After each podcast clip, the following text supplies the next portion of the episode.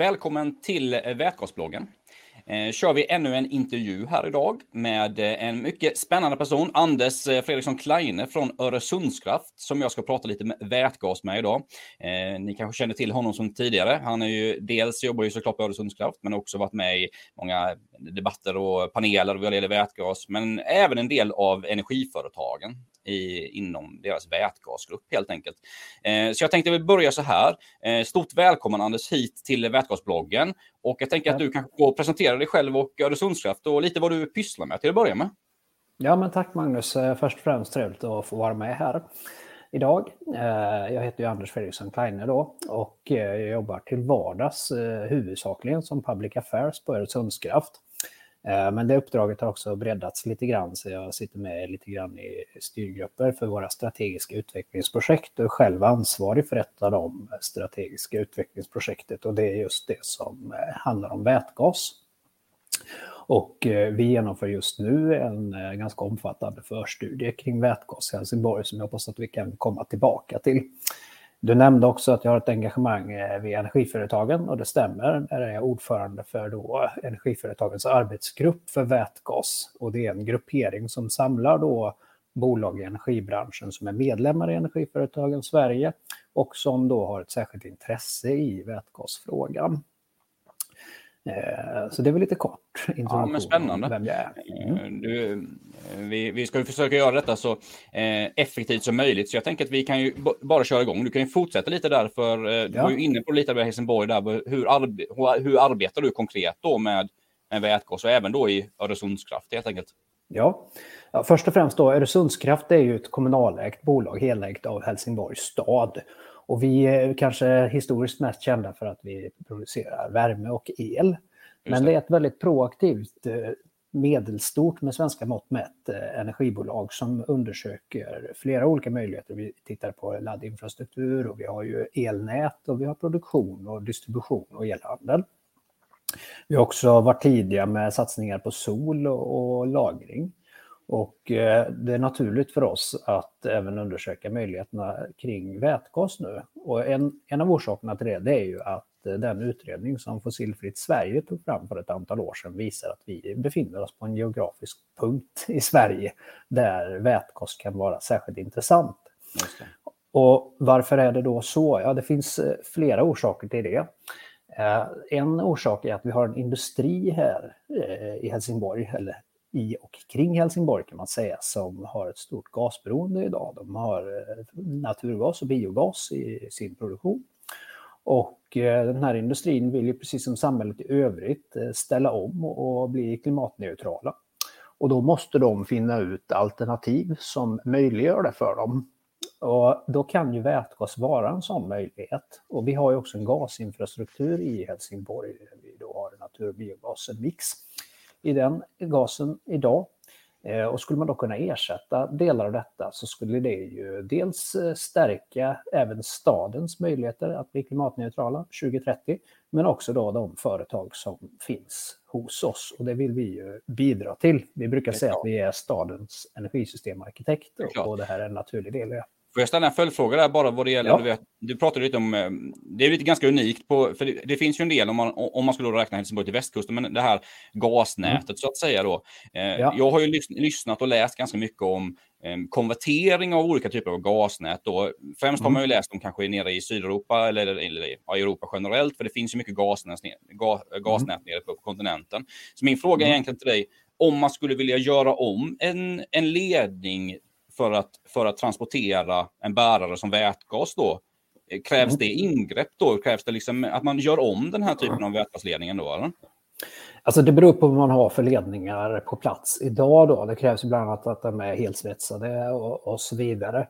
Eh, ett naturligt första steg det är att bygga vätgasproduktionen nära användarna så att man slipper att använda den gamla eh, infrastrukturen. För det går idag att ha en låginblandning av vätgas. Men de industriella användare vill ha en, en ren gas, så att säga. Mm. Den ska ha samma kvalitet hela tiden och så vidare. Så de vill helst inte ha för stora variationer. Eh, och att bygga vätgasinfrastruktur, ny sådan, det är ganska dyrt då om man tittar på meterkostnaden att förlägga mm. och det kan snabbt skälpa ett eh, vätgasprojekt även om det finns ett befintligt eh, gasnät. Det som är ett alternativ det är att man använder vätgas och koldioxid, biogen koldioxid då, eh, för att eh, tillverka exempelvis biometan, då, alltså mm. syntetisk biogas. Då kan du köra det i det befintliga nätet. vi tittar ja. på den eh, möjligheten i den förstudie som vi... Det är ju intressant och det, det är liksom det man kallar inom samling kanske e-bränslen då, eller? Ja, alltså e- e-bränslen, e kärt barn, har många namn. Jag brukar göra så att jag skiljer på e-bränslen mm. och, och säger att det oftast handlar om drivmedel. Eh, Medan det här då, syntetisk biometan skulle jag nog snarare använda när man då eh, säger bränsle. För bränsle det eldar man i ugnar och drivmedel mm. har man till fordon. Och det är olika mm. regelverk också för eh, den typen av gas eh, beroende på användningsområdet. Så det, det, det ska man ta hänsyn till. Och när du säger då produktion eh, liksom lokalt, tänker du då elektrolysörer då helt enkelt som producerar vätgas på lokala ja, ställen? Idag har, finns ju vätgasproduktion i industrin i Helsingborg. Ja. Eh, och de använder ju eh, naturgas i grunden för att, att tillverka vätgasen då. Men skulle man då ha en elektrolysör på plats eh, i Helsingborg så eh, är det så vi tänker för att det ska kunna bli grön vätgas också då mm. givet eh, den delegerade akten RED 3 där som säger att man kan använda el från vårt nätområde eller angränsande nätområde. Så det är elektrolysörspåret vi tittar på idag. Ja, men mycket spännande. Och, eh, skulle mm. du säga att ni har ni kommit långt i den här processen från Öresundskraft om, om man ser till om man jämför er då med andra typ kommunala eller ja, privata energibolag kan vi väl också säga, men runt om geografiskt i Sverige eller? Ja, alltså det finns ju projekt som är igång i olika skala i Sverige. Uh, och egentligen ska man bara gå igenom historiken med, med vätgas, varför vi är där idag och ställa den i relation till det. Så jag, mm. jag kan inte svara på 100 procent om vi har kommit längre, men vi har kommit väldigt långt. Ja, men det är roligt. I den här förstudien, uh, mm. skulle jag säga. Mm. Ja, men skoj. För det, det är ju så, om man googlar lite så där så ser man ju, då kommer, får man upp Öresundskraft. Man kanske får upp lite, ja. lite Ljungby, Trelleborg, mm. Mariestad får man ju upp och så där. Så det är, det är, mm. man, man, märker ju att det är vissa kommuner som har kommit en bit medan vissa andra kanske har inte kommit lika långt så att säga. Nej, och det är ja. lite olika inriktningsområden också. En del som Trelleborg då, de har ju kommit väldigt långt i vissa delar. Till exempel här att de ska bygga sin vätgasmack då, eh, Trelleborg Energi och, och gör ett fantastiskt bra jobb där. Och vi tittar mer då vi tittar inte så mycket på det här med vätgasmack, utan vi tittar mer då just för bränsle för industriella ändamål. Ja.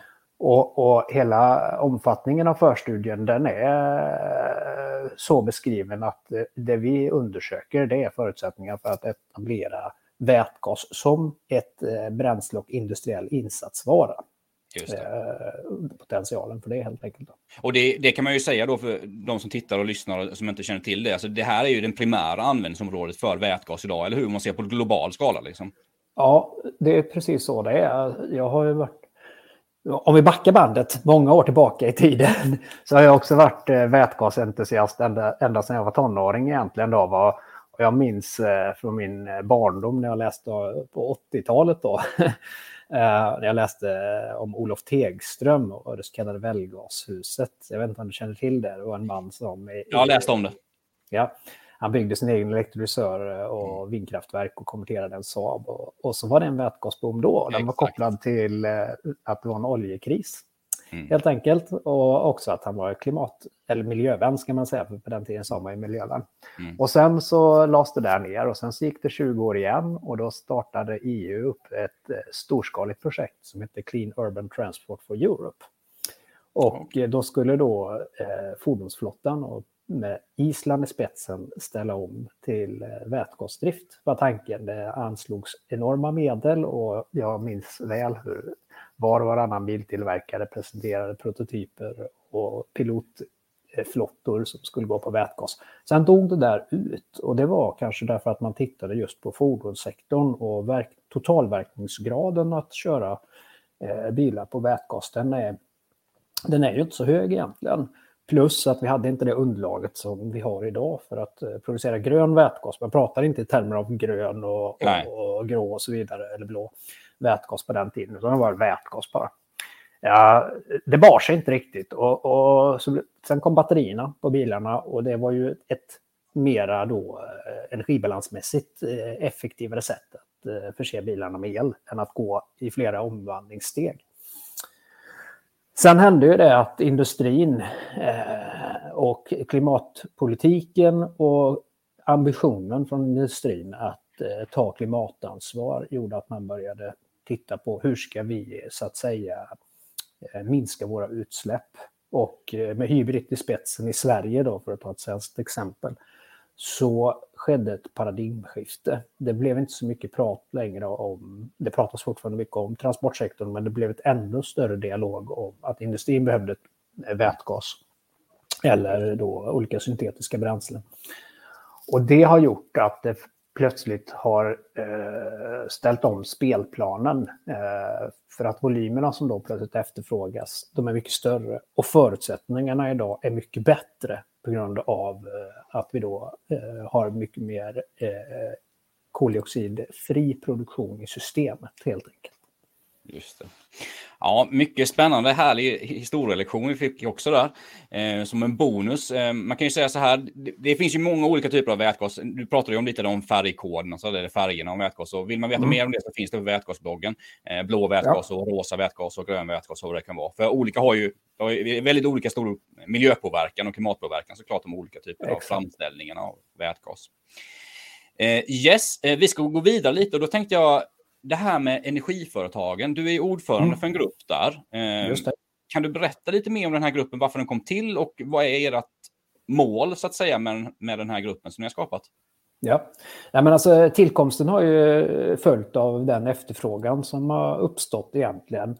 Eh, och att väldigt många då energibolag är ju naturlig leverantör av vätgas i och med att vi sitter på elproduktionen också. Och eh, Samtidigt har det ju varit eh, och är fortfarande stora osäkerheter i regelverk. Ta bara en sån sak som säkerhetsfrågorna kring vätgas. Det är inte färdigt det regelverket ännu. Mm. Det har varit diskussioner om hur det här som vi pratar om idag, då, grön vätgas, ska få produceras beroende på vart produktionen är lokaliserad i förhållande till användning och så vidare. Så det har funnits ett stort behov av att ha ett forum av sakkunniga som kan sitta ner tillsammans och diskutera de här frågorna, mm. komma med rekommendationer och eh, också då hantera då de förslag till lagtexter eh, mm. inom området som har dykt upp. Och då är det som en, liksom en remissgrupp ja. nästan då så att säga. Så att om du, om du svarar ni även på remissvar då så att säga från regeringen? Ja, ja. ja det gör vi. Mm. Eh, det är ju ett av huvuduppdragen för energiföretagen generellt, att ja, utgöra precis. en remissinstans för den här typen av frågor. Och då är det en eh, sakkunnig där som heter Lars Andersson som är sekreterare och jag är ordförande. Och det är alltid det upplägget att eh, det är en anställd på kansliet som man säger om energiföretagen som egentligen håller i trådarna och sen har mm. man en kanske extra sakkunnig medlem då som ordförande för den arbetsgruppen. de har ju många arbetsgrupper som man förstår, en branschorganisation inom allt från elnät till you name it. Ja, och så vätgas. Mm. Ja, det bra där. Eh, då kommer vi in på de riktigt spännande frågorna här. Då är då, hur ser vätgasens framtid ut i Sverige? Det vill vi ju mm. gärna veta. Och vad, är, hur, vad är din bedömning om hur, hur, hur kommer vätgasen användas i framtiden i Sverige? Ja, men jag, jag, tror mycket på just den här äh, att man använder det på olika sätt inom industrin. Det är det vi ser idag i stor skala, alltså väldigt, väldigt stor skala.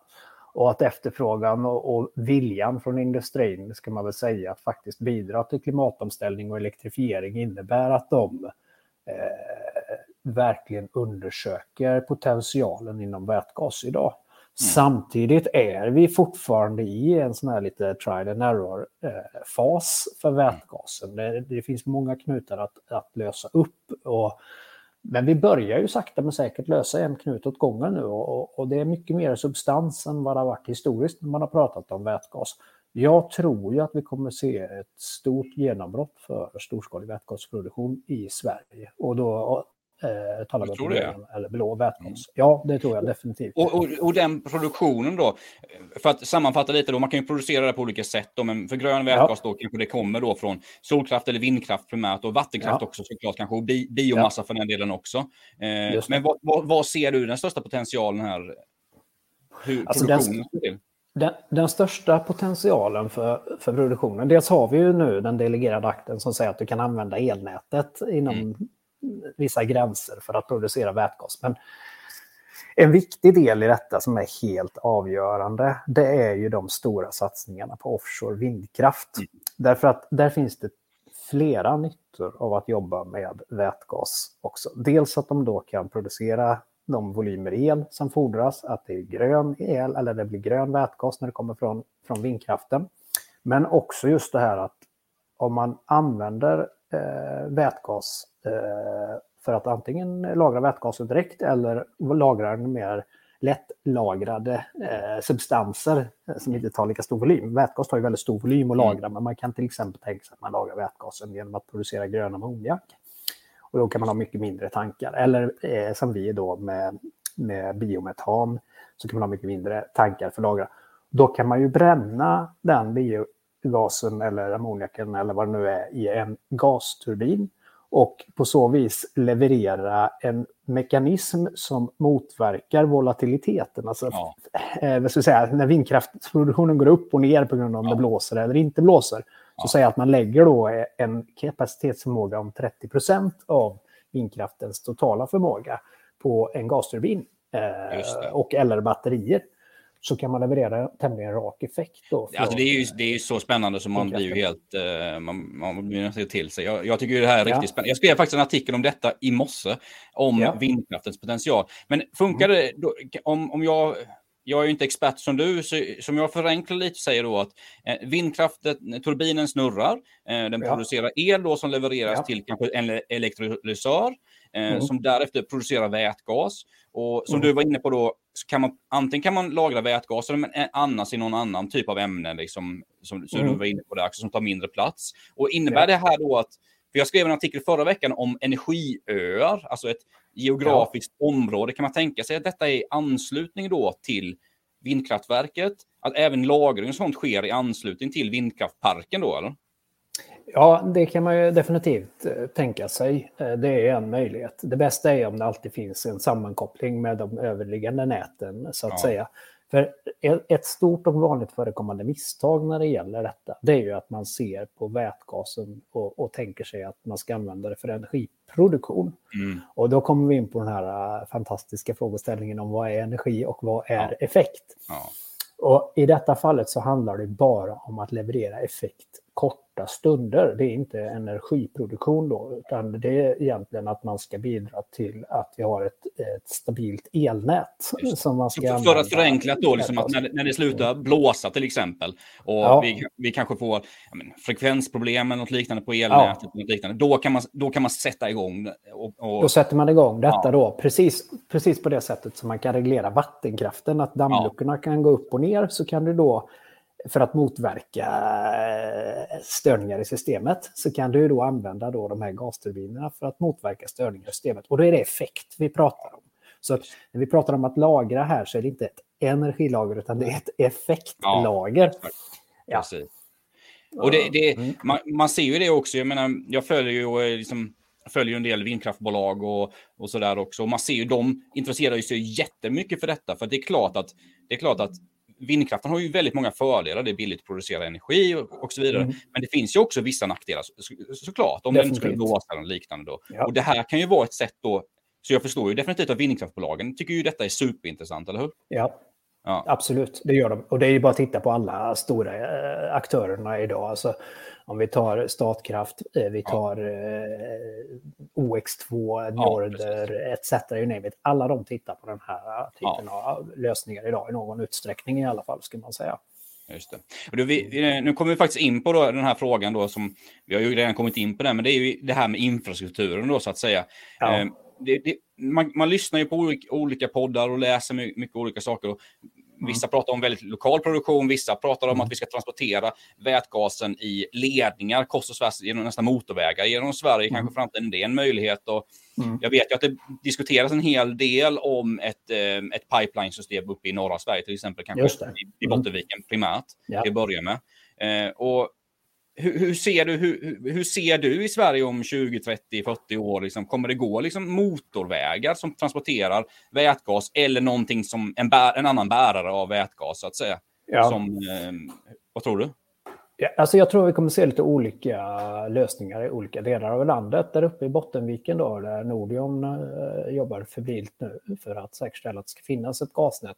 Det beror ju på att det finns en så stor punktefterfrågan då i, i stålet helt enkelt. Och då måste du kunna samla in vätgas från väldigt många olika håll. Du måste bygga någon form av stamnätsliknande struktur där uppe. Om vi tittar ner i, södra Sverige då, om vi kommer ner där jag håller till till exempel, så ser det lite annorlunda ut. Där är ju också punktefterfrågan då från industrin. Det är inte de stora volymerna som vi ser uppe i norra Sverige, utan här tror jag mer att det kommer börja med att man lägger, då, som jag sa, för Öresundskraftens del och det vi tittar på idag, det är att lägga produktionen nära användningen. Och då blir det ju väldigt korta pipelines som det är frågan om. Ju kortare, mm. ju bättre.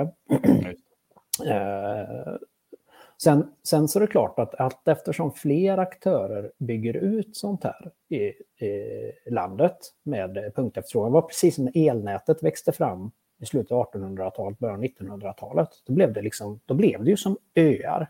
Sen började de där öarna sakta men säkert sammanlänkas därför att det gav ökad resiliens, det gav ökad förmåga liksom att handla med eh, produkten el och det uppstod en marknad och så vidare som, som historien har visat oss. Jag tror vi kommer att se samma utveckling, det kommer ta lite tid. Mm. Eh, och kanske inte i, i, samma takt som det gjorde för elnätet, eh, mm. utan här är det ju mera specifika ändamål, eh, fordrar specifika lösningar. Men på, på sikt då så kommer det byggas upp kanske flera stamnätsliknande strukturer i Sverige som sen på ännu längre sikt sammanlänkas till ett större nät. Men det får framtiden utvisa. Det som vore väldigt bra med det, det är att då får vi en energibärare till, en parallell energibärare till elen. Och elen är ju egentligen en energibärare som går precis, genom ledningssystemet. Ja. Och det är lättare att transportera stora mängder energi i form av gas än el. Alltså det, ah. man brukar ju, Hans Kreisel på Norden brukar hålla upp och visa hur mycket el som går genom en sån här pipeline. Och, mm. Eller rättare sagt hur mycket gas går i en sån här pipeline. Hur mycket energiinnehållet är i den i förhållande ja. till hur mycket man kan transportera på stamnäten. Så att det, det skulle skapa stor nytta för oss. Men det krävs att man tar saker i rätt ordning och låter detta växa fram på ett sunt och bra sätt. Vi ska inte mm. liksom eh, försöka lösa alla problem med en gång, utan vi måste Nej, jobba precis. steg för steg och sen ja. till slut så byggs det då ihop. Och det kanske är någon gång 2045-2050 som vi ser ja. ett sånt stort nationellt eh, gasnät. Mm. Jag, ser, såg ju riktigt, eh, jag läste en artikel igår faktiskt på en, en, en dansk artikel där de pratar om mm. med eh, offshore vindkraft då, liksom, och behovet i Tyskland till exempel. Liksom, mm. Att ja. eh, man kan tänka sig att här i södra Sverige då liksom, eh, i och med att, ja, det är ju en bit till Tyskland, men det är inte jättelångt. Och förutsättningen att lägga en, en ledning i Östersjön kanske är hyfsat bra också, så att säga, lägga i vatten. Ja. Eh, men då kan man tänka sig, för jag vet att Tyskland har pratat om, det kommer fram uppgifter, att de kanske bara kan producera liksom 30 procent av sina behov för grön mm. vätgas. Så de kommer in, behöva importera jättemycket nu när de, när, de har, när de ställer om från kol och lägger ner eh, kärnkraft och så vidare. Så de kommer behöva väldigt mycket vätgas. Så det, det, det här innebär ju också väldigt stora exportmöjligheter, eller hur, för svenska bolag på det sättet. Ja, men det gör det ju eh, de facto. Och man tittar ju till exempel på att ta då, inte i ren vätgasformat, utan kanske som eh, ammoniak eller e-metanol och, ja. och, liknande och frakta med fartyg eh, till Tyskland. Sen kan man ju också tänka sig att man, att man ansluter då vindparker i, Östersjön så att de anslutna både till Sverige och Tyskland är förstås bra. Eh, det, kommer ju också, det, det, visar också på behovet av att bygga den här vindkraften, va? för att det kan komma på plats ganska snabbt. Det är kortare ledtider för vindkraft än många andra kraftslag, trots att det är långa tillståndsprocesser, så är det ändå liksom tekniskt möjligt att bygga det ja. ganska snabbt. Då, va? Och då skulle det fordra väldigt mycket effekt i Tyskland med alla elektrolysörer som det skulle innebära och all den produktion det skulle innebära. Så att eh, eh, det är klart att här finns det stora möjligheter, men det gäller återigen att man då gör det på ett smart sätt så att vi inte liksom Mm, förlorar på gungorna och tappar på karusellen också. Va? Utan ja, man måste liksom tänka igenom det här, hur, hur, det ska göras. Kanske inte dra det i långbänk, men, men ändå ha en, en, en eh, realistisk plan för hur man gör det. Och det är positivt också att man har fått, eh, man har fått indikationer nu också liksom från, från Sveriges, från regeringshåll med, med liksom kortade tillståndsprocesser och sånt där för vindkraft ja. som är, som är en jätteviktig del så att säga. Men det, det gäller inte mm. bara vindkraft, det gäller ju väldigt mycket olika typer av tillståndsprocesser generellt. Att man ja. kan hålla dem så korta som möjligt så att man ändå kan starta ja. igång saker in, inom en rimlig tid, eller hur? Ja, definitivt. Ja. Så att eh, det känns bra. Den förra regeringen eh, gjorde ett gott eh, mm. grundarbete och den nuvarande regeringen verkar faktiskt ta vidare detta på ett bra sätt. Så att det, det börjar att se lite bättre ut igen och det känns det bra. bra. faktiskt. Det är bra. Mm. Och det gillar vi ju också. Men det är ju så att menar, företag mm. gillar ju långsiktighet och när man ska investera så gillar man ju långsiktighet, de som ska göra det. Ja. Så det finns ja, det en... fordras ju det. Ja. Definitivt inom detta området. Mm. Du, vi har redan varit inne på detta ganska många gånger, men ja. vad tror du vi kommer se den mesta nyttan av med vätgas? Du pratade ju en del om eh, industri nere i södra ja. Sverige kanske och, en, och, även i norra Sverige då, men, behov, men behoven ser lite annorlunda ut och sådär. Ja. Ja, men det är ju då, eh, det är ju tre delar egentligen som eh, vätgasen, antingen direkt eller indirekt genom omvandling, kan åstadkomma nytta. Och det är ju för att ersätta då fossila bränslen och i någon mån fossila, fossila drivmedel såklart. Men fossila bränslen för industriändamål och som insatsvara i industrin, där kommer ju vätgasen att kunna göra oerhört stor nytta för samhället. Vi blir mindre omvärldsberoende, vi kan producera mer lokalt. Vi, eh, det är också bra ur ett beredskapsperspektiv om man tänker på de frågeställningarna som just nu ja, ja. på bordet. Eh, så det, det, är jättebra. Det andra som är väldigt bra då det är att med hjälp av gas så kan vi lösa upp knuten med väderberoendet i, i vindkraftsproduktionen på ett mm. väldigt smidigt och egentligen tekniskt enkelt sätt.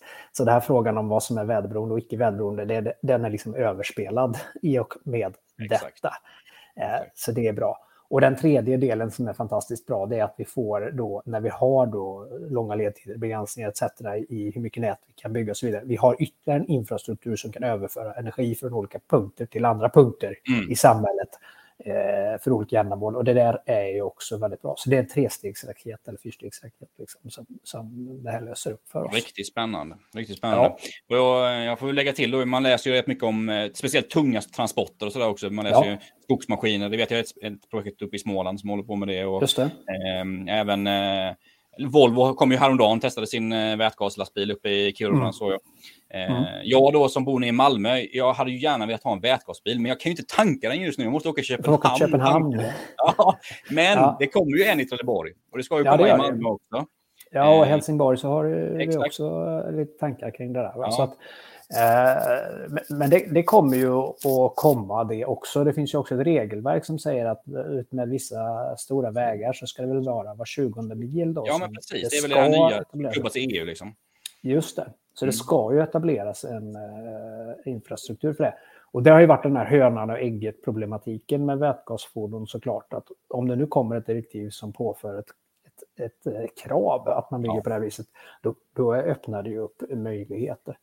Verkligen. Samtidigt så får man ha det i beaktande också att man inte eh, men vi har ju bränt oss ett antal gånger historiskt på det här med transportfrågan. Mm.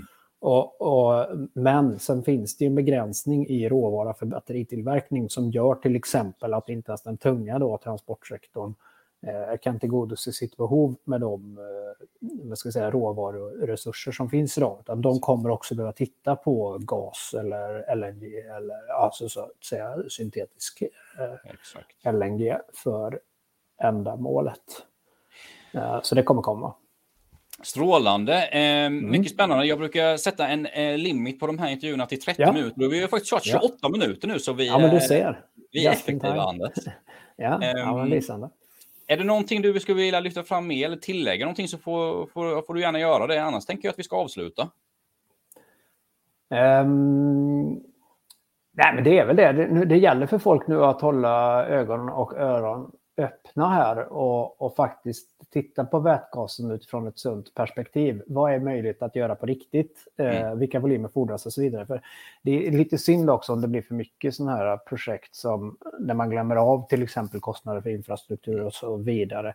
Vi måste vara på rätt platser och börja där så vi gör rätt från början. Ja. Eh, och, och, kanske också att man tänker utifrån tillståndsprocesserna ett extra steg så vi inte hamnar i samma problematik som vi gjorde med vindkraften.